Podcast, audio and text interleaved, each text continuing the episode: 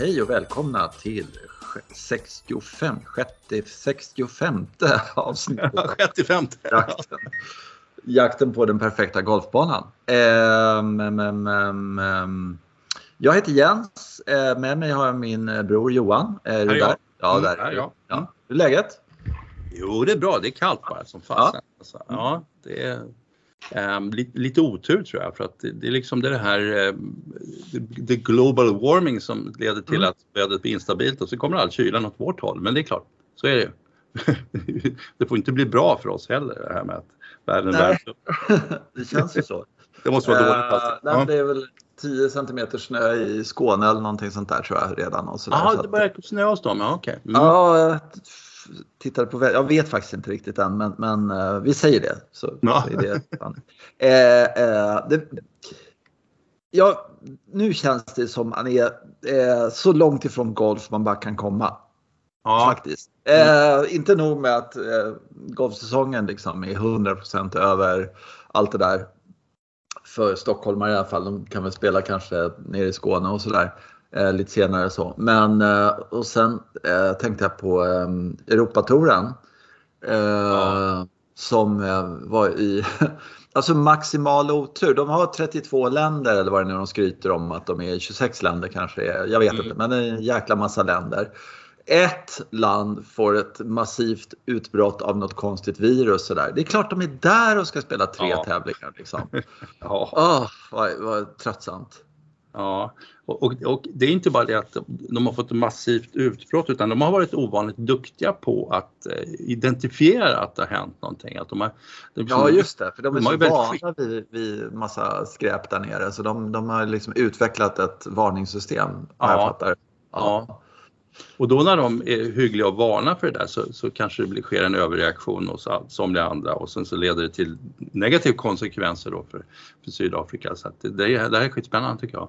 Jag Ja. tänker jag tänk mycket på det här, alltså, tänk om man har ett, eh, lagt upp ett helt schema med, alltså man har åkt dit för just de här tävlingarna och sen så blir det 36 hål av det som skulle varit tre tävlingar. Så det är ju Mm. rätt knepigt men alltså ekonomiskt. Och, Ja, och det här är ju de första två tävlingarna är lite mindre sådär. Mm. ja, Eh, och eh, det är ju, alltså, liksom om Rory missar en tävling, eh, det Mm. drabbar inte honom ekonomiskt. Han märker Nej. inte det. Liksom, så här. Men det, och, eh, framförallt, det här är ju killarna som liksom ligger där kring eh, liksom, lite längre ner, längre ner på rankingen som hade en chans att och, och sådär och få spela och så. Och så, så rycks det ifrån dem. Det är ju, eh, det är ju ja, skittrist helt enkelt. Ja, det är verk, verkligen tungt. Och sen, och sen så massiva kostnader kanske. Jag vet inte om touren går in och eh, kompenserar för kostnader som man har då eller hur de gör. Bara så här, nej du hade otur nu, får ta det där själv. Eller hur gör de? Alltså det, Jag vet inte. Det är, det är massor med saker kring Europatouren som man skulle vilja veta faktiskt. ja, Som mm, inte jag har koll på. Eh, Eh, sådär, man jag har hört någonting om till exempel att eh, om de ska spela nästa tävling på raken sådär, om de är i Madrid och så ska de till Milano eller någonting sånt där och spela. Eh, så tycker jag det är kul att veta att det fanns något bolag som liksom fixade bagtransporten lite smidigt sådär som slapp släppa den på flyget. Tidigare i alla fall så var det så. Eh, och så kostade det då och då en slant liksom för varje bag. Liksom, och så. Mm. Eh, och det tycker jag var så här fiffigt liksom, att det är någon som hade hittat den lilla eh, ja, liksom tjänsten. Så där. Och så, som körde då mellan de där när det var sådana typer av tävlingar. Sånt, ty- sånt tycker jag är kul. mm, Det roar mig faktiskt. Mm. Ja, ja, nej, det är jätte... Det, det, jag har ingen aning om det, det, det här öppnar upp för att det kanske blir någon uh, silly season eh, tävling eller någonting sånt där kanske i, i öknen eller någonting sånt där. För att jag tror att det finns väldigt väldigt många människor som vill titta på golf nu. Liksom. Sådär lite Ja. varmt och skönt och sitta inne. Och, och sen så tror jag det är väldigt många som eh, ja, vill lira liksom. Sådär. Ja, fast li- lite tufft att få till liksom, så, så kort varsel då. Som, de, Ja, ja, visst. som vi konstaterade på Mallis då, det vart ju med blandad liksom. eh, Ja, det är sant. Det är sant. ja, liksom. Ja, mm. Eh, en stor grej, eh, faktiskt, mediamässigt eller något sånt där får man väl säga, var att Tiger uttalade sig igår om, ja, i Golf Digest så intervjuar de honom så att han är tillbaka och sådär och han är ju liksom antingen han är av eller på på något sätt. Så han är ju väldigt mm. noga med medierelationer. Så här, slipper, vad heter inte slipper? Det kommer inte ut eh, någonting om inte han vill det och de publicerar aldrig någonting för då vet de att de är liksom dödens lammungar och allt det där. Men eh, och så pratar han lite om eh, att han kanske kan komma tillbaka och sådär. Hans ambition var där och så. Eh, det var sådär intressant tyckte jag. Eller det var kul att läsa. Men så var det en sak där som jag Eh, fastnade för som jag tyckte var lite intressant och det var eh, hans son Charlie sådär, som har börjat lira golf och sådär. Och så försöker han drilla honom då eller träna honom liksom sådär, så han ska bli lite bra. Så. Mm. Eh, och då, då eh, hade han liksom eh, inte kunnat sticka iväg för benen var för dåligt då och han undrar liksom var det kom sig att han hade så höga scorer sådär. Eh, för han såg liksom, han kom hem och visade skålkortet. Så här, Hur kan du är bättre än det här? Så här. Mm. Eh, och då, då var det det här junis, eller som alla har egentligen, så här, om man slog ett dåligt slag så eh, blev nästa slag, blev han arg liksom. Så, där, så blev okay. nästa slag ännu sämre och sådär liksom. Och då var hans eh, åsikt om det här var liksom så här att, eh, och jag tyckte formuleringen var rätt stark så där, liksom att eh, har du slagit ett slag, slaget därpå, det slaget, det är viktigare än att, än att andas. ja, ja, ja. alltså det, mm. det är ditt livs viktigaste slag. Det är viktigare mm. än, än, att andas, liksom, ditt slaget efter ett dåligt slag. Mm. Då gäller det att bita ihop liksom. ja, men, ja, men, ja, men det var ju ganska bra uttryck faktiskt. Ja, jag tycker det, det också. Jag, Ja, känner man ju faktiskt numera så att fan, nu, alltså för att ta sig tillbaka lite in i flytet så ska man göra ett väldigt, väldigt bra slag. Medan jag kan tänka mig att, att eh, juniortanken är att, liksom att man är illa behandlad på något sätt. Så att man ja, det är orättvist. Det är orättvist. Man straffar sig själv genom att göra ett ännu sämre slag. Sen är liksom hela grejen på väg ja, ner. Ja. Just det. Ja, just det här, okej, okay. ja. den gick i vattnet, okej okay, nu droppar jag, nu. Liksom. Ja. Ja. Nu gäller det. Liksom. Ja, det nu, nu är det det viktigaste slaget i ditt liv. Liksom. Ja. Eh, sådär. Det är ju så. Eh, jag tyckte det var en ganska schysst formulering faktiskt. Sådär. Ja. Mm. Ja, det är bra. Eh, ja, ja. Mm. Skönt att, att Tiger kommer med något jättebra. Eller hur? Ja, nej men det, det, jag tycker hans formuleringar kring golf och liksom allting som han säger ofta är liksom spot on. Eh, verkligen mm. sådär. Mm. Men det är kul att, eh, sen måste man ju säga att det är lite fascinerande att eh, här har vi en, en gubbe på 45 eller någonting sånt där och eh, tiden står still liksom, när han är i närheten av golf eller bara mm. uttalar sig om golf eller något sånt ja. där. Till viss del beroende på att han inte gör det så ofta, fine, det är väl en sak sådär. men det är inte bara det att eh, och det, det, det, har ju aldrig varit så tidigare. Möjligtvis Bobby Jones eller någonting sånt där. Men, men liksom de här Jack och så här, ja men då, aha, då var det Arnie eller det var liksom Ben Hogan och det, var, alltså det har hela tiden varit en tre, fyra personer att ja, liksom se upp till eller någonting sånt där. Mm. Uh, och, och nu, nu kommer det någon som, uh, alltså det, det är ju löjligt fascinerande egentligen att han sedan 97 har varit så Um, alltså ingen pratar om någonting annat. Det, det är liksom, Nej. först kommer Tiger, sen kommer Tiger, sen kommer ingenting, sen kommer ingenting. Liksom sådär. Uh, och s- någonstans på 54 plats så kommer Ernie Els. Eller jag vet inte vad som kommer sen. Ja, ja. ja men alltså, uh, snacka om någon som dominerar mm. uh, intresset. Ja, men jag tror att det har funnits någon som varit närheten av det. Jag tror att Arnold Palmer hade en så pass hype kring sig.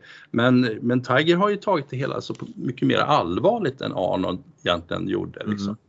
Mm. Arnold har, ja, han ju, tog ju inte det här med klackspark på något sätt, men han, han, det var ändå, han hade inte sådär uttalanden och grejer. Och, alltså, Eh, jag ser, den enda som jag ser som, som har varit lite lik Tiger Woods det är ju det är Severiano Ballesteros.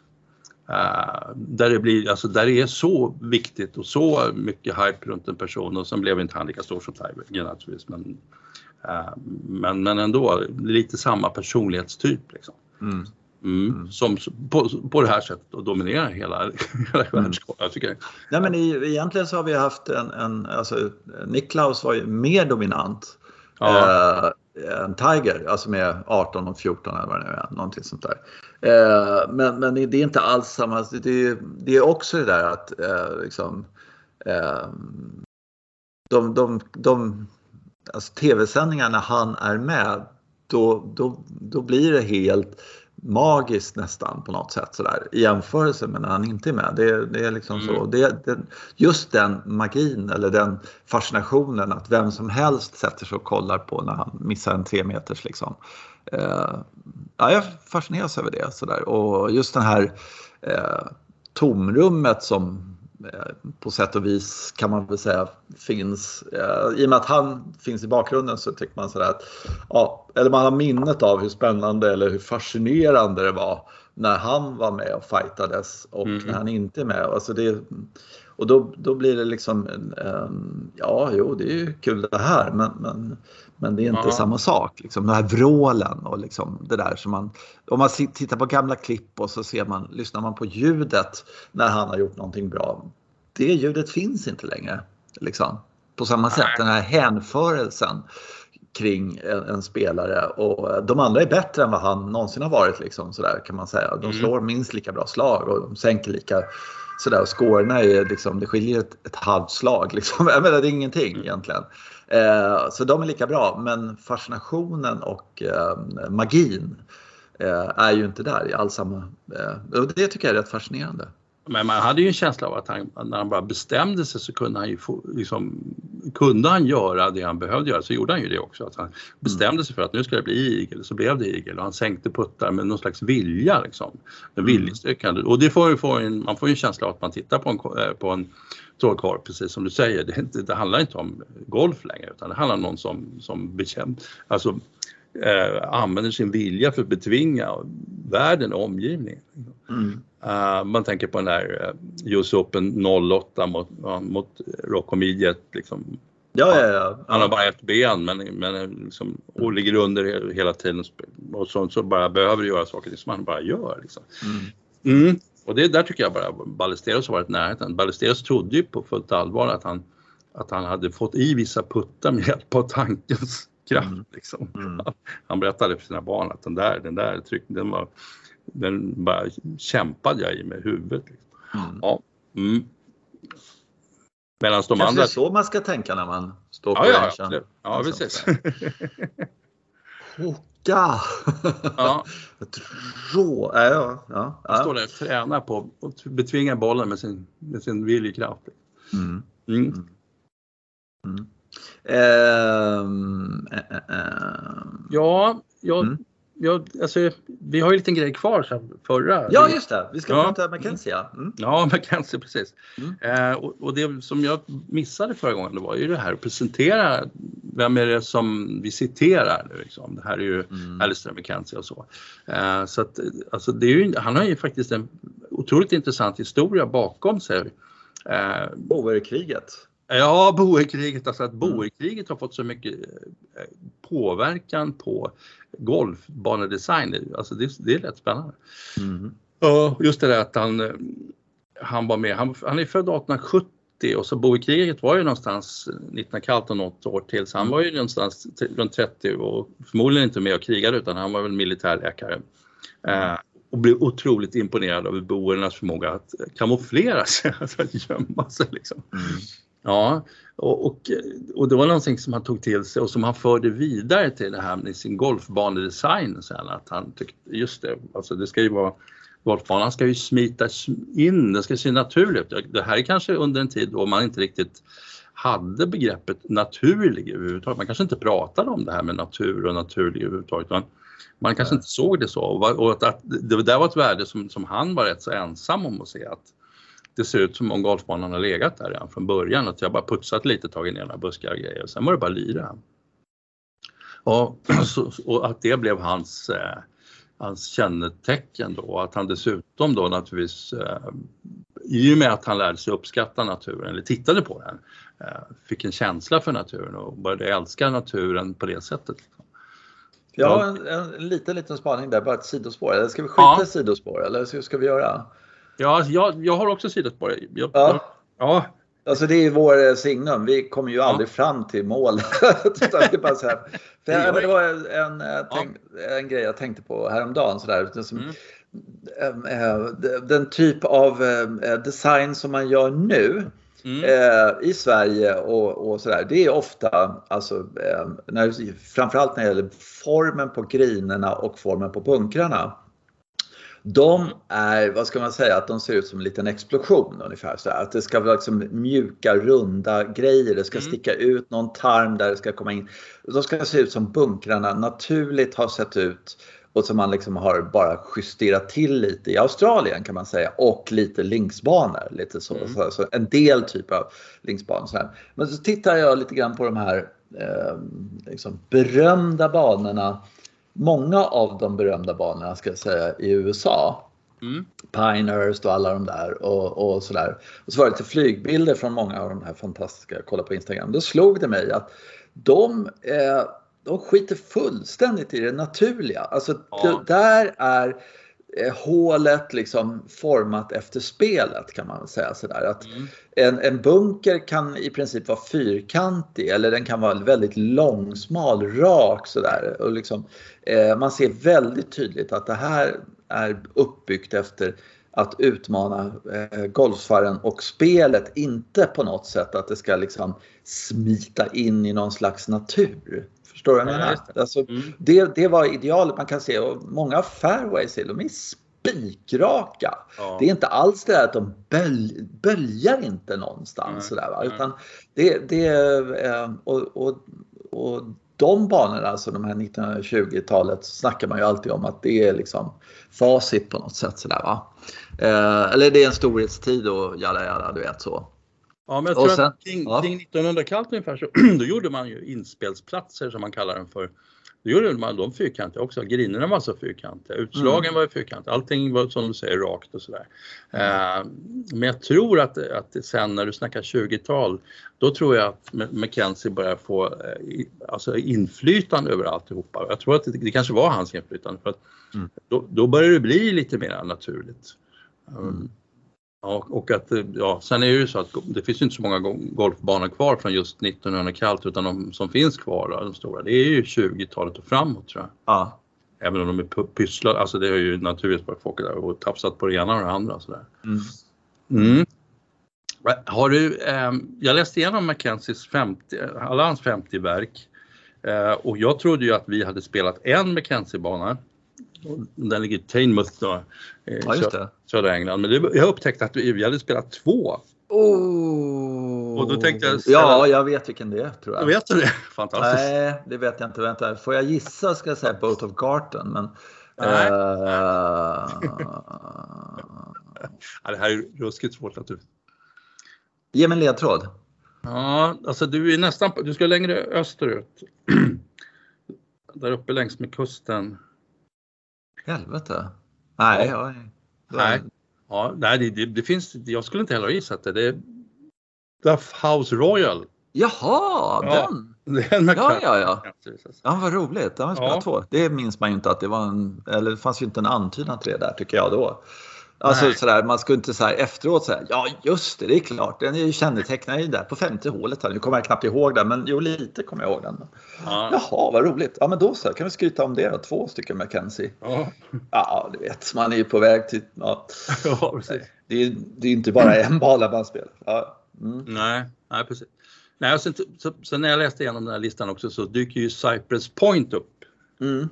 Um, och, och, det är ju det är liksom en av de banorna som den är bland de högst rankade i världen överhuvudtaget. Mm. Och jag tror att det framförallt handlar om utseendemässigt för att det, det är ju den här kusten vid Monterey där. Mm. Det vackraste stället i världen skulle man kunna, många påstå.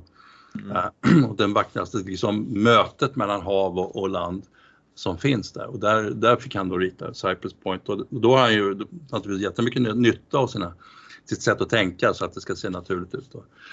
Ja. Um, där, där ligger ju Pebble Beach också, men den vet jag inte vem som har ritat faktiskt. Den kanske mycket senare. Ja, det är någon eh, rätt okända. Eh, sådär. Det är inte någon av de där stora. Har jag för mig det är sådär. Ja, Frank Jada någonting sånt. Ah, som okej. inte, Mm. eh, har jag för mig. Det är lite sådär att ja, en av världens bästa banor, det är ingen banarkitekt som har gjort utan det är bara Ah, någon. Eh, men det är väl också väldigt mycket läget och allting sånt där. Det är möjligt Eh, att de egentligen skulle spela på Cypress Point men att den, Pebble Beach är mer liksom tillgänglig för publiken eller något sånt där. Jag vet inte, det, är också sådana grejer som spelar in. Ja, eh, och sen Cypress Point är väl, det, den är superstängd, superprivat. Så Ja, de släpper inte in pleti där liksom. Nej. Eh, Det är mycket det som, som gör det tror jag. Ja, men det är Augusta National också. Ja, jo precis, precis. Men de har ju, ja, jo det är sant. Ehm, var det mer som du slogs av när du kollade den där listan? Nej, annars så tyckte inte jag att jag kände igen så mycket banor. Jag tror att det, det som jag slogs av var ju att eh, jag tror att han fick en explosion i sin eh, i sitt yrkesliv mot slutet. Han blev 64 år eller någonting sådär. Mm. Han, han var ju med och ritade banor då sista året. Mm. sa- Samma år som han dog. Liksom, och Mm. 34. Eh, och han flyttade över till USA från, från England. Han kommer från Leeds i England och så var det varit lite i Skottland. Så där. Men, men så jag tror att eh, sen blev han blev väl jä- hyper liksom poppis där på slutet och var med inblandad jättemånga. Augusta National är ju ganska sent. Jag kommer inte ihåg vad det är för år, om det är 29 eller någonting sådär. Mm. Ja. Så att jag tror att han, det, blev, det ökade som fan. Jag hoppas att det inte tog livet av honom. Att han jobbade så jävla mycket. Eh, var Bobby därför han dog. Jones, han tog livet av mig. Så jävla mycket golfbanor att. Alltså. Ja. Nej, Ja. men det, det, han har ju ritat banor i, i Argentina också. ja, just det. Eh, och det är ju rätt kul att han liksom på något sätt, han var i Australien och sen så tog han båten då till Argentina och eh, liksom, det är så off på något sätt på 30-talet tycker jag. Att, Ja. att 20-tal, 30-tal, att de har golf i Argentina då och typ världens bästa golfarkitekt ritar liksom. Sådär. Ja. Och sen, sen så upp mot eh, USA och sen ja, har ryktet eh, visat sig vara sant och så gör han världens bästa golfbana där. Det är ju rätt häftigt. Ja, Royal Melbourne, ja just det. Den, Mm. Och det är också en av de finare i världen. Men ja, det, det är som du säger. Att, att han, ja. Men det måste ju funnits någon sån där Sven Tumba-variant i, i Sydamerika där som, som Argentina som, eh, som hade förstått att det här var killen som man skulle dra dit och som skulle rita banan. Det måste, finnas Ja. en pers, person bakom det där. Liksom. Ja, Så, ja. Brukar och det var garanterat någon amerikan eller engelsman som hade liksom exploaterat någon gruva eller Ja, ja, som Ja, hade lite för mycket pengar och lite för lite att göra. Kan man tänka sig. Mm. Eh, han har ju skrivit en eh, jäkligt... Eh, hur, hur är det med de där reglerna då? Har varit, Ja, vi har fyra stycken kvar. Va? Och ja. Det är ju ganska enkla grejer fast, fast samtidigt lite kul. Och, eh, re, alltså designregel nummer 10 är då att eh, det ska, bli en, det ska finnas en complete absence står det då, of, of the annoyance, det vill säga att man ska inte behöva stå ut med att leta efter bollar helt enkelt. Nej, han hatar Nej. verkligen det. Han hatar verkligen Ja, det. Ja, Jag med. Sympa- sympatiskt, mycket bra. Ja. Bra, bra Alice, på dem. Och sen så, regel nummer 11 är att, eh, det tycker jag Ja, vänta, vänta. Egentligen man kan man säga där att det är, Mm. behöver egentligen inte betyda att eh, ruff kan ju vara där egentligen. Det är Ja, bara ja. det att leta Ja. efter bolljäveln, det är den, den grejen man ska slippa. Ja. Sen så skulle Mm. man ju kunna tänka sig, för jag kom, kommer ihåg från gamla goda tiden på Österåker, då hade vi så här supertorr vissa delar på Mm. året, Just superseg, eh, djävulskt gles eh, ruff. Sådär. Mm. Ja. Eh, och man såg boll, bollurslingen på 10 meter, det var inga som helst problem. Det var helt omöjligt att få den därifrån. ja, jag kommer ihåg det när vi började. Men det var väldigt lätt, alltså det var väldigt sällan man på vissa delar så bara, oj vilken hög, knähög ruff där. Mm. Men ja, Mm. men du kommer hitta bollen och det är ju egentligen eh, eh, så, gles ruff. Om någon kunde Mm. liksom eh, lära sig att bygga gles ruff. Det är svårt. Eh, alltså, ja, är svårt. Ja, ja, men tänk Ja. den som, som kommer på tricket. Nej, men nu har jag Ja. hittat ett grässtrå här som bara växer med eh, tre decimeters mellanrum eller någonting sånt där. Så att, eh, Ja, just det. eh, Du behöver, du, du kommer, eller liksom årets uppfinning. Det där liksom tick, tick, tick, tick, tick här i bollen. Det vore ju också fantastiskt. Ja, Tänk om det ja, kom. För att Det då skulle man kunna ha liksom schysst ruff som Mm. istället för, alltså, eh, då skulle kunna det bli ett jätte, jättebra designelement i golfbanor. Nu är det ju så att ruff kan man inte ha. Eh, Folk blir förbannade, det tar för Mm. lång tid. Eh, ja, det är väl de två. Men, och det räcker. Liksom, sådär. Det, Ja. det tar ner och så kommer man inte tillbaka till golfbanan. Nej,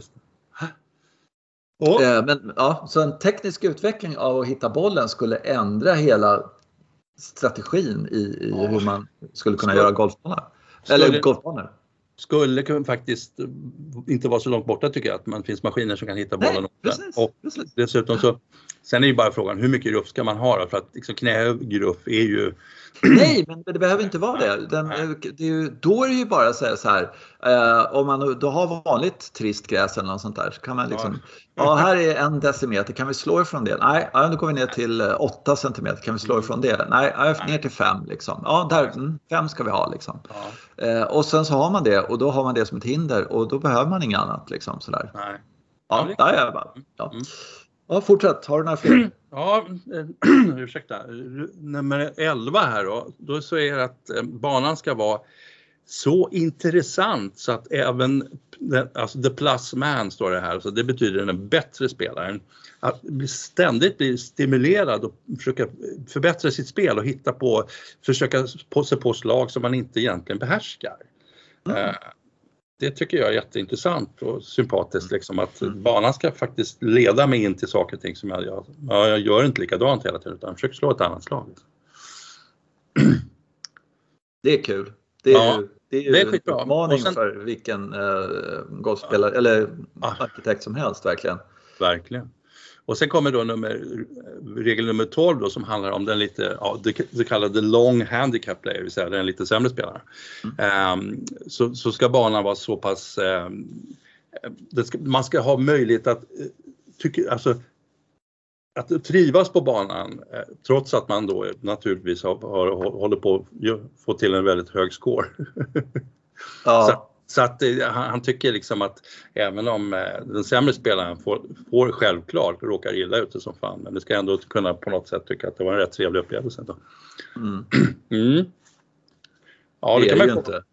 Nej, Nej det är framförallt så, då man ska man väl inte behöva förlora bollar och sådär i så hög grad för att det är alltså det, man kan ju säkert, det är värre att man, eller ja, det är mindre dåligt att man får mycket slag på varje hål men man vill ju inte bli, framförallt bli rånad liksom. Nej. Mm. Och sen kommer vi den tuffaste regeln av allihopa som kommer som regel nummer 13. Eh, och det är att eh, banan ska vara lika bra eh, vinter som sommar. Och eh, grinernas textur eller liksom tillstånd och fairways, de ska, bli, de ska, de ska vara perfekta. och inspelen ska vara, ha samma konsistens som, som över hela året. Mm. Ja, och det är naturligtvis en, det här är en mardröm för eh, barnkommittén naturligtvis. Mm. Men där, där måste jag säga att vi, Ja. eh, vi hade det på, vi hade en nioårsbana som hette Hagby som Ja, de drev upp sen Mm. och sådär. Eh, Och den byggde, byggde de och där kunde man spela, alltså de, de öppnade ju så fort snön var borta. Mm. Och liksom, speciellt var på slutet när den var liksom lite styrmodligt behandlad sådär, för man visste då sådär, så, ah, ja vi kör igång den.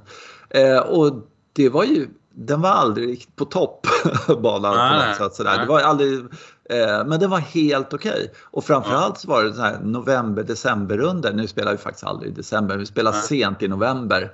Mm. Eh, så var det liksom studs på fairway och eh, eh, inte liksom, man behöver inte eh, lägesförbättring och allting sånt där. För de, de hade den typen av gräs på griner och på fairway som höll emot på något sätt. Sådär. Det, blev, det stack inte upp lera och jag vet inte vad det var. Det var.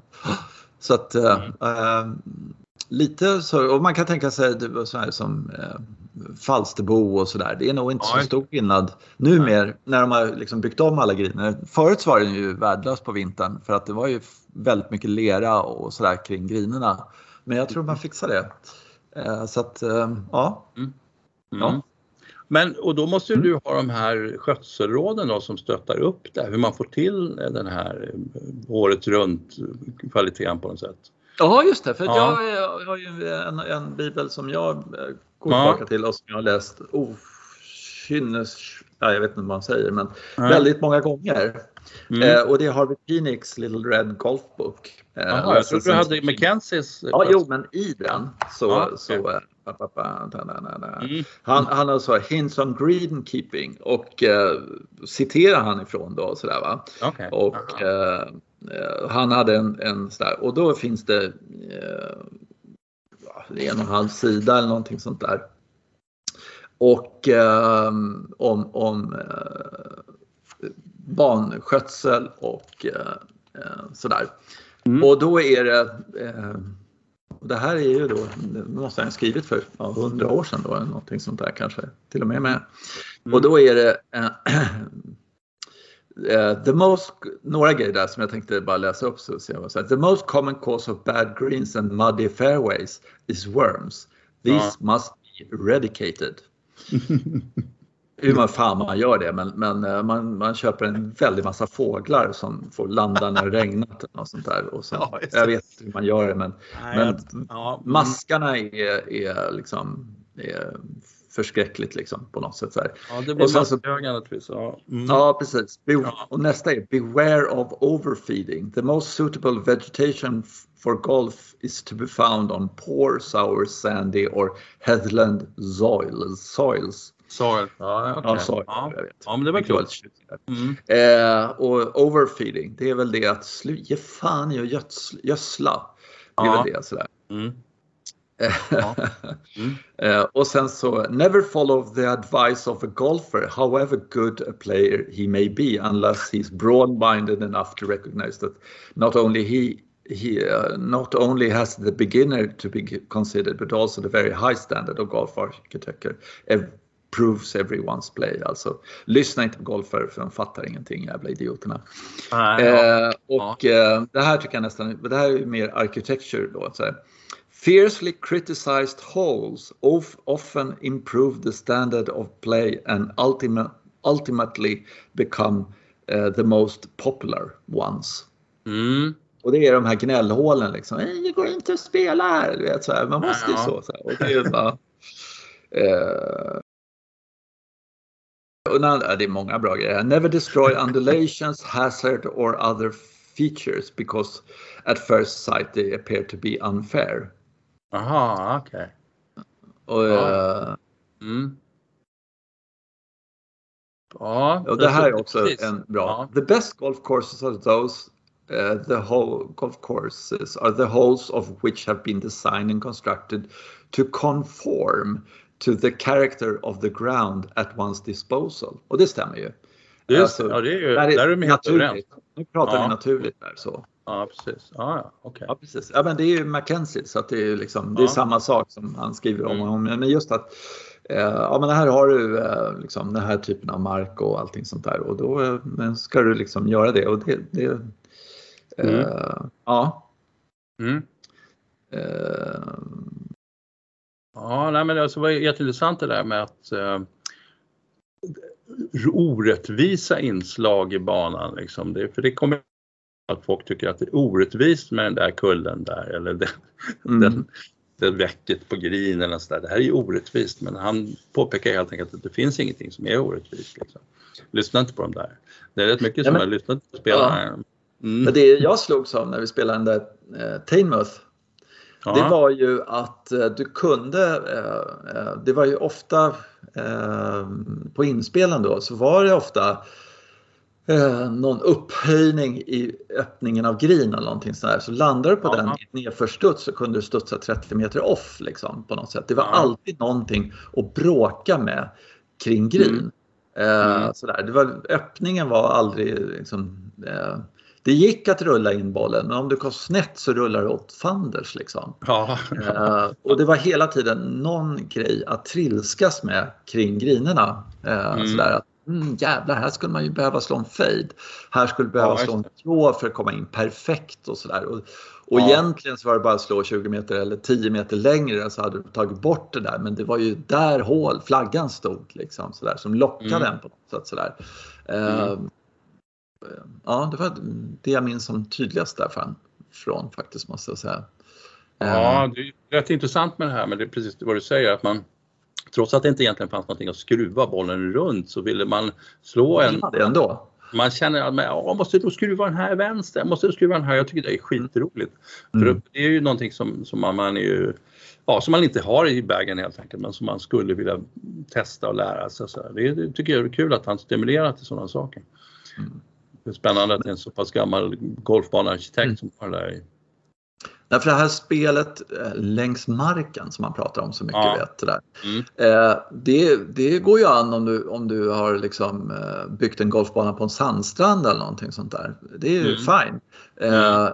Men i hundra fall av hundra skulle jag vilja säga när, när man ska studsa den på någon foregreen eller liksom, på en fairway för, i Sverige och överallt annars egentligen. Sådär då vet du ju inte underlagets konsistens normalt sett. För det kan vara lerigt ena dagen och det kan vara eh, mjukt och det kan vara hårt och så här. Det, det är nästan omöjligt att veta. Eh, så det, det är ett spel för eh, för link, riktiga linksbanor. Eh, ja. Och aldrig ja. annars egentligen. För det, det, eh, om, om du inte liksom är riktig hemmaspelare och vet att igår när jag spelade här så var det stenhårt och det har inte regnat sedan dess eller mm. tvärtom. Då, så där. Det är, nu är det riktigt blött så nu, nu kommer bollen till sig på det här sättet. Så att, just det där, att liksom rulla inslag och, och, så, det är väldigt, väldigt chansartat. Eh, därför att ja, Ja, men jag tror att det, att det är det på grund av, eh, på, det är ju banskötsel som gör det. Mm, ja, men det är det jag menar ja. egentligen. Banskötsel eller underlaget ja. som... Eh, Nej, jag tror inte att det är underlaget så mycket. För att jag, vi spelat nere på Grönhögen eh, och när den, när, var, när den var ny och så, de skötte den som Pierre Fulke tyckte man skulle göra det, då visste man att man, ja, man mm. kan karra bollen innan green och så kommer den jobba sig in. Men sen, sen fick de så mycket kritik för det så att sen började man sköta banan annorlunda. Då kom ja. jag dit. Så plötsligt så, så ploppade bollen ner där 10 meter kort om green när jag slog den dit. Så, att, mm. uh, så, så, det tror jag, alltså det är oerhört mycket av det här som egentligen är vilket också McKenzie påpekar att, uh, det, det, handlar om hur kort klipper gräset innan green. Uh, hur, hur sköter du, hur mycket vattnar du där liksom? Mm. Ja. Mm. Ja, men det kan man ju säga att eh, om man går tillbaka till 70-talet eller sånt där, när vi hade lera. Eh, I Stockholm, eller överallt var det bara lera man, man spelade på egentligen. Så Och sen så hade man ingen bevattning på sommaren och sen så kom de här sprickorna i sådär. Då visste man ju att nu är golfbanan stenhård precis jävlar mig överallt. överallt och då nu däremot så kan det vara liksom sprickor på ena stället men du har bevattning och speciellt när du börjar närmare green. Och då, då får man ju knacka på greenkeepern och säga hur, du är på fyran där, hur, hur många liter hällde du ut i natt liksom? Ja. ja men, nästan. Ja, eh, så det här spelet längs marken det, det är ju liksom enkom för eh, där, du, där du vet förhållandena. Och det tror jag, där tror jag också vi golfare har, har hjälpt till att binda ris för egen rygg. För jag vet att Eh, greenkeepers får otroligt mycket kritik om det torkar sönder någonstans. Ja. Eh, så, att, så att, eh, det vet jag ju att det är på Ågesta, där kör de ju bevattningssystemet när det var så otroligt varmt 2018 och torrt, då körde de ju hela tiden så att då hade vi ingen rull på banan vilket jag tyckte var helt bakvänt. Nu har vi en riktigt mm. torr period men bollen rullar aldrig. Liksom. Men det var helt enkelt för att nej, men då, då blir folk oroliga för det blir brunt, va? det går ut mm. gräset. Så, ja, men fasen, det kanske ska göra det under mm. en torr period. Zacke snackar ju mycket om det där, att det är alltid Agastas fel. Ja. Eh, för alla sitter och kollar på Agasta, kolla vad grönt det är, för de har ju fått för sig ja. att det ska vara grönt på Agasta hela tiden. Så där, ja. liksom. Ja, så ja. där ska vi också ha det. Och så, men, där är ju brunt ju, men, men vattna eller få sparken, det är bara att välja liksom. Ja, så är det. Eh, och äh, greenkeepersna också sitter där, där och sen så glömmer de bort den här Royal St. George's i, i juli liksom sådär. Och mm. Det kan man ju faktiskt säga att det, det, är inte, det är inte sådär jätteofta på British Open heller numera eller sådär. Som det, de kör en sån här riktig eh, betongbana, men det händer mm. ju. Det händer. Men, men det verkar vara liksom så här, ja ja, det är engelsmännen, de är inte kloka i huvudet liksom. Det är lite så. Mm. Mm. Ja, nej men jag, och då, egentligen är det som du säger, då blir det ju golf otroligt svårt men det finns ändå en möjlighet att beräkna vad som händer. Liksom. Mm. Och det, mm. alltså, för, förutsättningarna finns där, spelet längs med marken och allt det där. Mm. Mm, det är Men det, då är det ju sådär att eh, om, om man spelade eh, om man vet exakt för, man vet att det, det där är ett, eh, ett gegghål framme vid, alltså där är det mjukt, det är jämnt sådär. Det vet ju du på din hemmabana och jag vet ju det på Ja. min hemmabana. Där är det alltid mjukt och där är det oftast hårt och då kan man liksom använda sig av det och slå, försöka slå ett annat typ av slag liksom, Mm. eh, mot vad eh, man, man kan, skulle kunna göra sådär. Vi har ju det på, vad det nu, eh, ba- 14 va? 13 är det. 13 hålet, par femma, så har vi en eh, grinområde, eller innan det grinområdet, där är det alltid mjukt. Det, det, det finns inte en spelare som har rullat in bollen där sedan Väst- 1975. Västerled liksom. Ja, Västled, ja just det. Ja, Eh, och just sen 75. Och det, det vet man liksom sådär att Mm. eh, ska, man, ska man rulla bollen in där så ja, då får man slå med putten eller någonting Ja, ja. från 240 meter eller sånt seriös kopp i alla fall. Ja. Ja, precis. Och, eh, ja, Mm. Den där blir lång. Nej, den blir inte lång.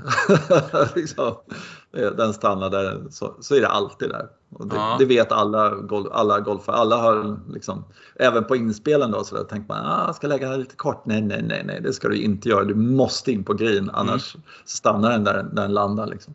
Och det är ju hemmaspelarens fördel då, så att säga. Är man tillräckligt listig som golfspelare eller som, ja, som förstår det här med, med marken lite så kan man ju se att det är så eftersom det är ju vattnet i vattenhindret där till vänster som ligger Mm. så pass högt så att det går inte att dränera det där området. Nej, just det, Det finns en höjdskillnad för att man ska kunna Ja. dränera bort fukten. Så att om man kollar på den vattenytan så kollar man på fairway så ser man okej, det där är två decimeter, tre kanske. Då är det svampigt där. Det finns Mm. bara inget annat sätt att göra det. Eh, Så har ju vi på vårt åttonde hål, där, där är ju för, för, för, liten höjdskillnad till fairway så att eh, Ja, just det. Där ska ja, den vi- behöva 100 lägga meter från green där liksom. Ja. Ja. Mm. Massor av massor skulle den behöva. ja, det skulle nog behövas en del. Mycket av det skulle nog sjunka också, det är så pass Mm. mjukt. Men okej, det skulle gå för att lösa antar jag. Ehm, ja, men det var väl det om Ma- Mackenzie tills vidare. Så kan vi återkoppla till det och sådär. Mm. Tycker jag. Ehm, ehm, jag undrar om han gjort några banor i Europa som han liksom, eller Europa. Det, nej, England är ju inte Europa längre säger vi. Jag vet inte vad det är. Nej, men, de men det var så här Par- Paris eller du vet Nice eller uh, där neråt. Eh, Nej, men jag tror att från listan som jag läste så är det Ja. så att han, han, eh, det var, det var Colt generationen innan där Mm. som, som fick de uppdragen och då var det ju framförallt, tror jag, franska kungen och sådär. Det var ju Biarritz och så. Ja, just det. Ja, eh, Colt fick ju springa om, åka omkring lite till övriga Europa men sen, ja, han var ju nederländare också sådär, men, men eh, sen så Mackenzie fick inte den chansen tror jag. Nej. Eh, Jag tror att han, ja, han var lite sent i livet, han blev jättehipp och han, han jobbade lite med Colt också. De hade en firma ihop och så. Eh, några år och sådär. Mm. Ja. Men, ja, nej, men sen var det USA för hans del framförallt. Mhm. Jag fick ju för mig att han var väldigt mycket skotte men han är, han är uppväxt i Leeds men han har skotska rötter någonstans i släkten och sådär. Så jag, jag fick för mig, jag placerat honom ganska långt upp norrut i Skottland men det var fel. Al Woody. Ja, det är en spanare. Ja. Där tog jag det. Al Ja. Woody. Al Woody. Det är en sån här bana, alltså, för att åka till England och så spela de här sådana typer av banor, det skulle jag tycka var svinkul. Mm. Eh, kring Le- ja, Leeds eller du vet sådana där mitten av England och så uppåt mot Mm. Skottland eh, och sådär. Strunta i de där kustbanorna och bara spela lite sådana där banor. Det skulle vara galet roligt. Och, eh, ja. Mm. Ja, ja, precis. Jag har ingen aning om vad förutsättningarna är. När är, man kommer ner till Londonområdet så är det ju ofta så att det har otroligt mycket sand. Det är ju mycket sandområden där som har Ja, här söder om i alla fall. Ja, jo, men ja, söder Ja. om och Ja. både sydväst och sydost så Mm. finns det då stora sandområden som de har fått till fantastiska banor. Men där, om man kommer upp så långt upp i England så antar jag att det är lera bara. Mm. Ja. Men det, ja, det är bara som jag, som jag antar. Ja, jag såg en, ett klipp den här. Det, det är inte så mycket, hänger inte så mycket på sociala medier och så, här, men det Nej. finns en, en snubbe som jag tycker är rätt eh, fascinerande som heter Erik Anders Lang. Mm. Eh, som jag följer då och så där. Och så gör han eh, en sån här grej på Youtube och sådär. Eh, alltså en serie och så lägger han upp klipp och det är, han är fruktansvärt trevlig och, så där, och kul och han hittade golfen för 10-15 år sedan och blev helt fascinerad och sådär.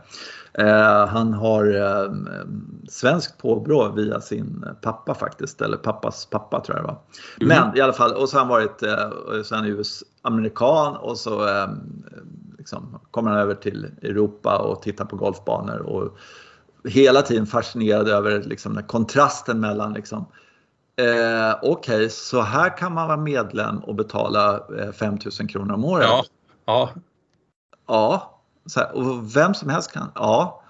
Sådär. Och han, det, han, han ställer den frågan hela tiden. Ja. På varje, sådär. Han, det, han förstår inte det här. Han älskar det men han tycker det är helt sådär att ja. eh, För det här hade ju kostat två nollor mer. Liksom, sådär. Ja. Och det är fascinerande. Men då, en grej som jag, jag har läst om och jag tänkte att dit måste man åka någon gång. Och sånt där. Men jag har insett att det är lite puckat. Men då finns det, jag tror det är Wimbledon Golf Club, i London i alla fall, så är det i någon park och sen så är det en golfklubb där. där man, eh, London Scottish? Ja, det kan det vara. Alltså, de har i alla fall röda tröjor på sig när de ja, det är spelar. Det, ja. ja. ja. Eh, och eh, det, jag bara tänkt på det där engelsmän liksom. De är ju dumma i huvudet. Liksom, varför har de röda tröjor? Jo, för att de ska skiljas åt så man ska på långt håll känna igen att det är en golfare, eller hur? Ja, just det. Ja, precis. Ja. Det är så mycket du, tror, du tror inte det här golfklubborna man drar med sig avslöjar dig lite, eller? Liksom, hmm, den där killen, han, han har en, en, vagn efter sig, men han har ingen röd tröja på sig. Eller liksom, hmm, ja, den där, det är nog lugnt. Liksom. liksom, ja, precis, han är nog inte golfare. med det där, liksom. Nej, grabbar, nu är det så här. Ni måste ha röda tröjor på så här för att eh, de här som går omkring i parken, de fattar inte att ni lirar golf när ni har med en stor jävla bag och släpar omkring med här. Liksom. Ja. Nej, det, det här går inte. De bara, va? Är det en golfare? Det, det fattar inte jag. Nej. Så jag gick där, jaha, sådär. Ja. Det är så ja. dumt så klockorna stannar liksom. Mm.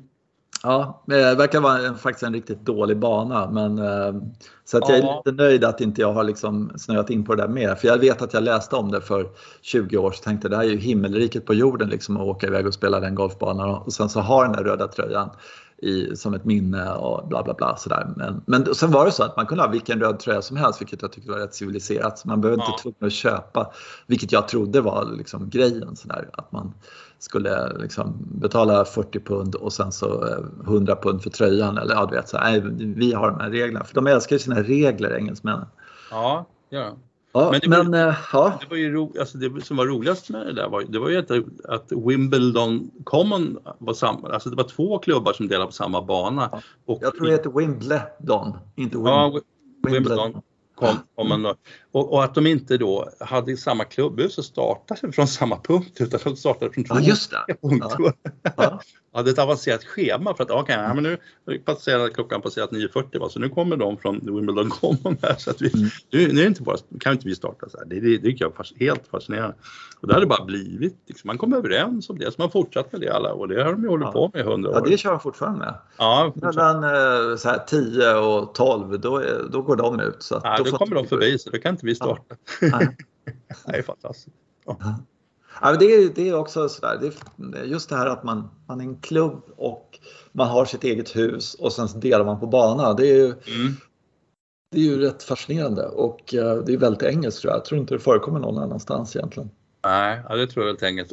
Ja. Man skulle vilja höra de diskussionerna lite liksom, om just barnskötsel och det här hålet. Vi måste ändra på 13-hålet säger man. Liksom. Men det är ju bara en klubb som vill det. De mm. andra då, liksom. Vilken mm. samordning det skulle behövas för att liksom, mm. göra utvecklingar. Så. Mm. Det är därför det inte utvecklas och det är därför Nej. det är så jävla bra också. Ja, det stämmer. Ja. Mm. För den här, den banan var ju tydligen den äldsta i, i Storbritannien som, som var i ursprungsskick. Vi trodde vi hade spelat den men det, men det var ju någon som påstod där att det var något år, den var något år äldre än Royal North Devon. Som, mm. Mm. Så, så, för de Royal North Devon hade liksom, de hade flyttat hålen ner mot vattnet lite på någonstans på 1800-talet där på slutet. 1804 eller 5 eller så. Mm. Det var ju en, eh, just den, vi har nog inte pratat om den golfbanan, att vi faktiskt har varit och spelat den. Royal West. Har vi pratat om den? Ja.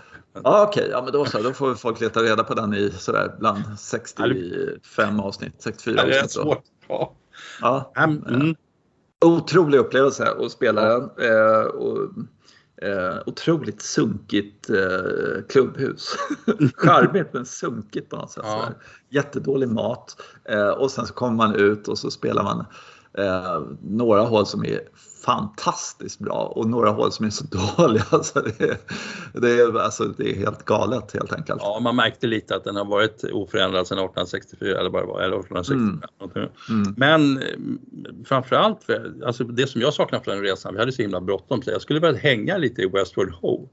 Eh, mm. Ort, orten heter Westward Ho som, som den ligger. Den ligger fantastiskt där på, på som mm. sluttningen och bara, bara att det heter som det heter liksom. Man får gå runt. Ja, nej, men, nej, men vi, vi körde in där med 70 knyck, tvärbromsar, slängde oss ut, körde två varv. Eh, ett och sen, varv, Var det bara ett varv? Ja, vi, vi, det var ju, vi kom ju från flyget där. Det var en sån där ja, ja, ja, ja, så var det. Ja, ja, det var ännu värre. Ja. Ja. Eh, och sen så när solen var mer eller mindre på väg ner där så var vi på väg eh, till nästa golfbana. Så här, ja, ja. Mm. Ja, vi hade starttid klockan tre där på, på Så var det. Ja, mm. Det, var helt enkelt tajt, tajt med tid hela tiden. Mm. Ja, men just att det sprang omkring lösa hästar på andra tider. Alltså det, det har jag aldrig varit med om. Eh, mm. Får har jag varit med om. Mm. Men uh, ja.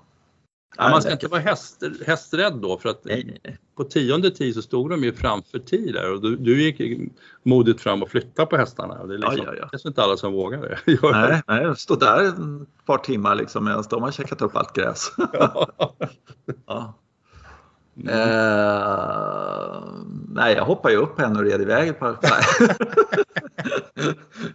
du hanterade ju det kompetent tycker jag verkligen. Ja, tack. Tack. eh, du, jag har tänkt på en annan liten sak sådär. Mm. Mm. Eh, alltså en sak som stör alltså jag tänkte på det där med, med liksom att det är så lite golf och sådär och liksom hur de har lagt upp det där. Men det, det, det kanske är lite skitgrej men, men egentligen det är ju, varför, varför, kan man inte lägga ner den här jävla PGA-grejen alltså som, som en major Eh, i, i, USA och sen så köra en stor major i Australien nu. Ja, det går ju bra. Mm. Alltså de har tio skitbra banor. Mm. Eh, och jag vet inte hur det blir med tider och så, men, men eh, liksom tv-tider och så. Men liksom, så kunde de sprida ut det lite grann. Alltså det är helt hysteriskt där på sommaren och våren och allt vad det är och sådär. Även om ja. man försöker pussla eller någonting sådär. Men, mm. men liksom, det vore inte perfekt om de här torerna var lite klara som de är sådär och, och sen så lite lågsäsong och sen så, eh, och sen så eh, jul, nyår eller vad, jag vet inte var, men, men liksom att man hade en, en major när alla liksom sitter inne och inte kan göra någonting i alla fall. Liksom. Ha tid att kolla på golf och inte vill spela själva. Mm. Och sen, alltså, jag fattar inte att inte de kunde bara liksom att jag fascineras över att Australien inte har en, eh, liksom, eh, en, en tävling som alla måste spela. Det är ja. helt obegripligt med tanke på hur många bra golfbanor de har där nere. Mm. Ja. Um, Tradition, bla bla bla, du vet sådär. Spelare, allting sånt. Ja. Mm. Det är väl alltså det som, ja, den stora faktorn som, som påverkar golf, eh, golf alltså, tv-sändningarna som inte borde göra det, det är just den amerikanska fotbollen. Eh, och det är, det är lite märkligt för att när amerikansk fotbollssäsong, vilket den är ganska kort, när den sätter igång, då tittar folk bara, amerikanerna bara på det. Uh, vilket också är lite knepigt. Alltså, skulle försöka man köra en tv-sändning eh, av en tävling så är det ingen som kollar på den. För att det pågår amerikansk fotboll. Uh, mm. Och, och, det där är ju, det är ju amerikanerna så att man, man har en känsla av att resten av världen behöver på något sätt samla ihop sig och köpa tillräckligt mycket tv-tid så att man kan köra över de där rackarna och visa mm. eller ha tävlingar året runt nu då. Precis som du mm. säger, får vi se någon på Royal Melbourne, det skulle man ju hemskt gärna vilja se. Jag menar, de körde Presidents Cup, så det var, det var någon av de där linksbanorna ja. där. Eh, och jag tror att första hålet eh, som var, kan ha varit 300 meter eller någonting sånt där. Och de bara höll på hela tiden och de kom Ja. aldrig riktigt på. Det var någon som gjorde birdie liksom. Så här, Ja, ja. Och så drev de den lite för långt och då fick de en fel inspelsvinkel. Och så bara körde det ihop sig och allting sånt här. Och det var alltså så var sån underhållning så det var löjligt åt det. Och det, Ja. det fanns ett frimärke där, landade på ett fanns där och sen när det rullade ner där och liksom allting. Eh, och att alla förutsättningar finns ju. Och dessutom, så alla säger ju att australiensare älskar idrott och så, att det skulle vara jättemycket publik. Det är inte som när de kör någonting i, i Asien eller eh, liksom Mm. var som helst annars. Men, men liksom, det skulle vara skitmycket folk och det skulle bli jättebra stämning. Publik, alltså allting finns där. Men, Mm. men det verkar inte, och så har de ju då eh, Australian Open. Eh, men det verkar liksom som den inte riktigt attraherar på något sätt. Jag fattar inte. Det är, eh, Lite Ja. för lite eh, tv-tittare va? på det hållet. Ja. Och, och australiensarna är inte så himla många och det kanske inte finns så många i den tidszonen heller som tittar. Och det, ja, men det är väl det man hoppas ska ändras. Ja, men om om man någon gång skulle ta en femte major så, Ja. liksom, sådär, då måste det ju ändå bli eh, Australian alltså med tanke på hur mycket spelare finns där från tradition, Ja. golfbanor, underhållningsvärde, publik, allting. Eh, Mm. och eh, att det faktiskt är rätt schysst väder där den här tiden Mm. på året. Kan inte säga om Joe Berg Open Sy- Sydafrika, liksom, de, de kan ju glömma det här nu. Så var det så dåligt väder så helt fruktansvärt.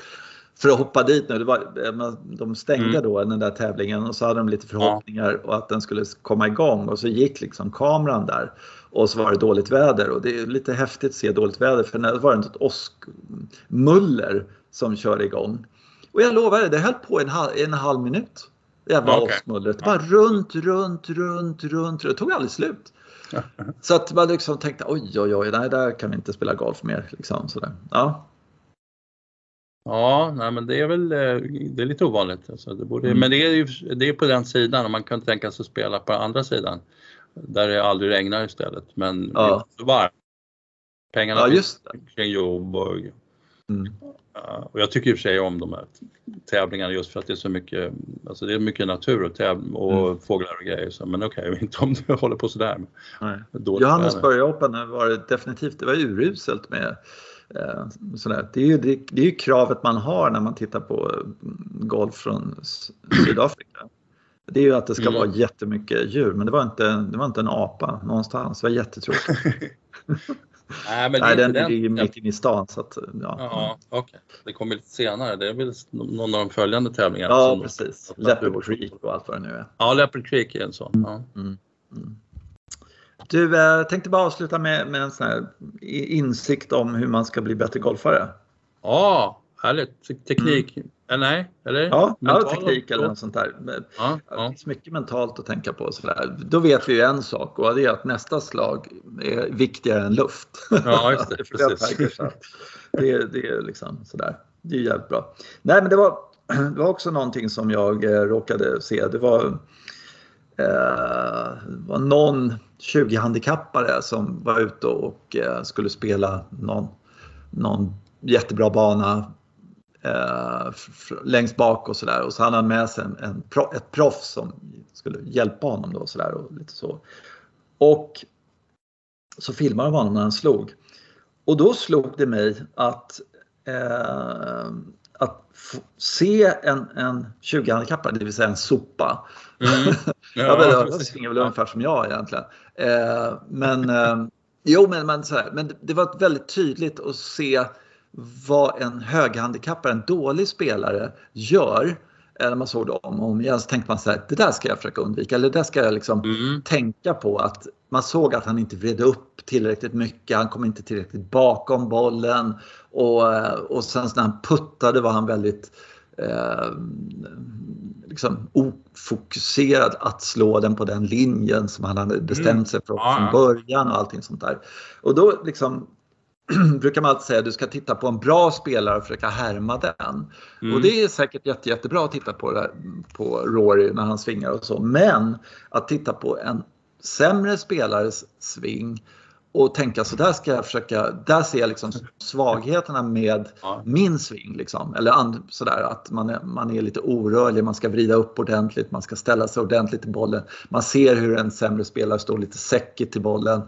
Massa sådana saker som, som man kan bli inspirerad av att eh, Att undvika, undvika. Ja. undvika eller jobba bort helt enkelt. Ja. Att Ja. vara lite mer atletisk när man ställer upp. Att Mm. eh, ligga bakom med huvudet och inte liksom glida med huvudet genom träffen. Massa sådana här saker som Rory och, och Ernie och grabbarna, de, de gör ju det och då ser man inte det för att det är så naturligt. På, eller det är så självklart, ja, men det är bara så här. Men, men det, det faktiskt inspirerade mig till eh, lite sådär tankar kring min egen golf när jag såg Mm den här hemska 20 handikappsvingen på film. Inte när jag spelar med de 20 handikappade, då tänker jag inte alls på det.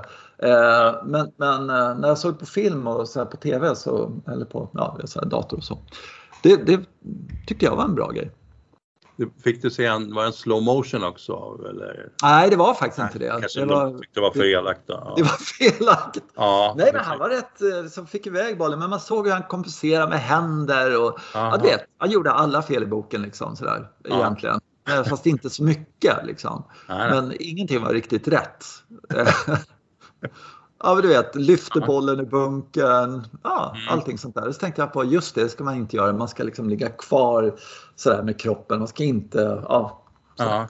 så Mm. det där ordet inte, det är Ja. jättebra. Precis. Ja, alla tjatar om det där liksom. Inte, Ja. vi, ska, ska bara inspireras av det som är bra och sådana saker. Jag är inte så säker på det. Ja, Sådär. Vem har sagt det? Vem, vem har bestämt det? Sådär. Ja, ja, det är lite spännande. Mm. Mm. Ja. Eh, precis. ja. Man kan ju ha en känsla då själv att så där ser jag kanske också lite ut på banan så tänker man så Just det. Ja, men det är det jag menar. Inte lika mycket som den där sopan, men Nej, naturligtvis. Vet man. Mm.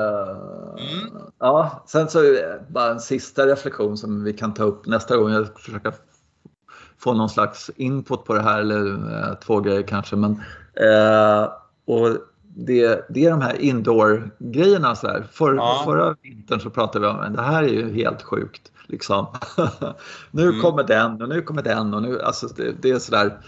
Eh, de är överallt. Mm.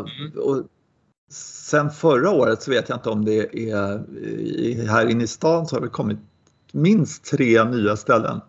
Mm. Eh, och de ligger liksom i Modgallerian, de, de ligger i Sturegallerian. Alltså det är höga kostnader. Alltså, Ja, det är inte gratis att hyra in sig där. Nej. Jag antar att det här är ställen som lägger ner i eh, april.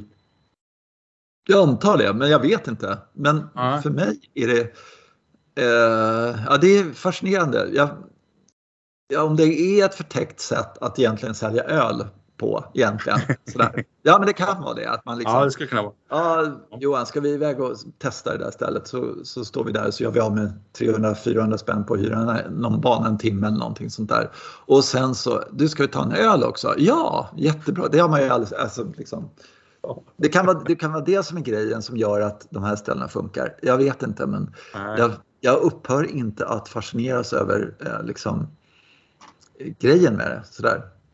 Mm. Jag provar en gång, men alltså, det kanske räcker att folk kommer dit en gång per säsong. Eh, och, och så, ja. Eh, för det, ja. Ja, vi har ju mycket bokningar på våra simulatorer i, i klubbhuset så att Mm.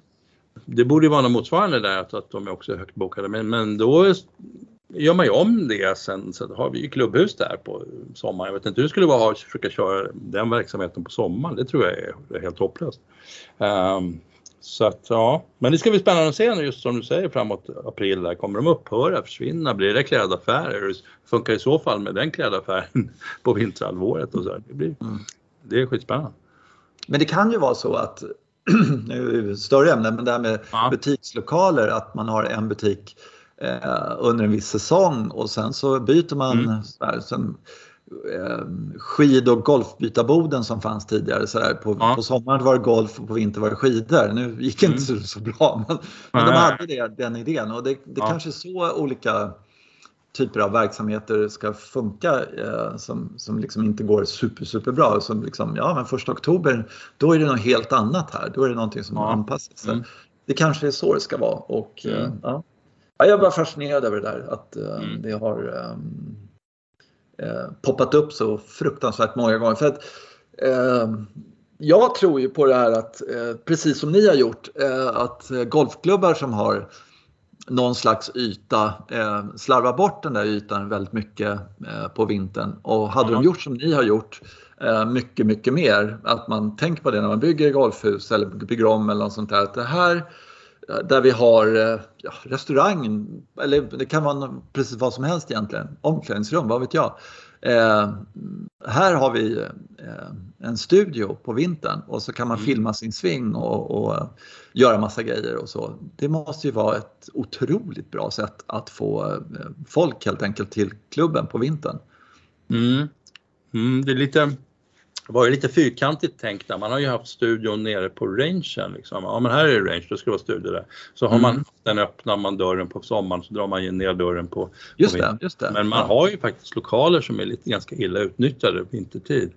Extremt skulle jag säga. Ja, vi upptäckte ju det med, eller vi hade ett geni som upptäckte att fast vi har en massa baggar stående här i, i, i burar, liksom, ut med dem och sen så kan man ha träningshall där. Uh, så att, uh, nu kan man inte slå så många meter på dem, från de mattorna men det går att hålla. De kör ju juniorträningar och, där. Mm. och sånt där. Så det, och det är ett skitbra sätt att göra det naturligtvis. Mm. Jo, men just den här flexibiliteten eh, mm. eh, när man mm. gör, gör såna här grejer. Och då eh, så åker man ut dit till, till klubben med sin kompis eller sin sådär, eller så har man mm. och sen så eh, kanske man inte bara att man spelar St. Andrews eller något sånt där, vilket jag tycker verkar helt värdelöst att hålla på sådär. Men däremot att få liksom kolla hur mycket square, jada jada på toppen, ja men du vet allting ja. sånt där. eh, och, och eh, kanske lite längder med riktiga bollar och liksom allt det där och så. Mm. Eh, och, och, kanske ja, klubbhastighet eller vad som helst. Liksom. Eh, mm. Just den här biten, att uh, få det och framförallt om man kanske får en inspelning av den timmen och sen kan man gå hem och så kan man titta på den där svingen i ja. oförtjänt många gånger. Och sånt där. Ja, Just den grejen tror jag. att man får se det där. Ja, vad sa du? Gud förbjude att man ska behöva titta på det också. Men, ja, ja jo, men, men uh, vi vet ju alla det. Där. Ja. Uh, så hade jag bara en liten spaning till. Sen kanske vi ska skita det här. För alltid. Ja. Ja. Jo, men det är en sak som jag har tänkt på. Jag har en sån här avståndskikare. Ja. Eh, och jag tycker att det är jättebra. Eh, sådär. Men så är det en sak som fascinerar mig att det inte finns i de där avståndskikarna. Eh, och det, och det kan, det kan ju inte vara speciellt dyrt att fixa. Alltså att varje gång man klickar, skjuter ett avstånd, att det skulle tas en bild mm. på det. Eh, Alltså, det finns mobilkameror, de behöver inte vara bättre kvalitet än så. De kostar ju ingenting att slänga in i en mobil liksom, mm. i princip. Eh, ja, men säg ja, vad det nu kan vara. Ja, men att man hade det i för att, och sen så att man kunde eh, när man kom hem så kunde man koppla in den med, eller, ja, med wifi eller jag vet inte vad, men, men på något sätt bluetooth till, till datorn och så kunde man tanka över de där bilderna och så var det lite datum och lite sån här tid mm. kanske, någonting underkant, vad vet jag. Någonting sånt. Dels skulle vara ett minne för man kanske har, har skjutit massa bilder på någon greenfieldbana, kanske fler bilder än man normalt skjuter på sin hemmabana eller något sånt där. Mm. Men dels så skulle det vara, i alla fall för min del, så skulle det vara det här, eh, för jag kommer ihåg vilken klubba det var. Eh, och så sköt jag, sköt, eller jag är ute så liksom, ja det är 102 meter. Eh, och då kommer jag ihåg, ja, jag tar järnian och sen så eh, hamnar jag i bunkern. Eh, mm. Men jag kommer aldrig ihåg avståndet när jag kommer hem. Nej, vad var det? Var det 107 eller vad? Men då skulle jag ha det minnet. Att mm. jag sköt på flaggan och det var så så långt och jag vet vart jag hamnade och då skulle jag få en återkoppling till mitt spel. Mm. Oj. Ta ursäkta, gör sådär. Ehm, ja, men så var det i alla fall. Mm. Ja, precis. Mm. Ja, det var bara det. Mm. Det var väl det. Ehm, Ja. Det räcker väl för idag tycker jag. Mm. Ja. Ja. ja. Nej, men jag tror det. En sån där äh, avståndsmanick som du snackar om skulle kunna samla in hur mycket fakta som helst som man kunde sedan gå igenom. Det tror jag. Ja, jag tror det skulle vara uppskattat. Väldigt. Mm. Du, vi säger så och så tackar vi alla lyssnare för, för den här och vi kommer tillbaka nästa tisdag förhoppningsvis. Ja, det tror jag. Ja. Uh, ja, det ska bli jättekul, men vad i helvete. det får nog avrunda nu. ja, jag får göra det. Vi hörs! Tack så hemskt mycket alla lyssnare så hörs vi. Ha det bra! Toppen! Ha det bra! Hej hej! Hej hej!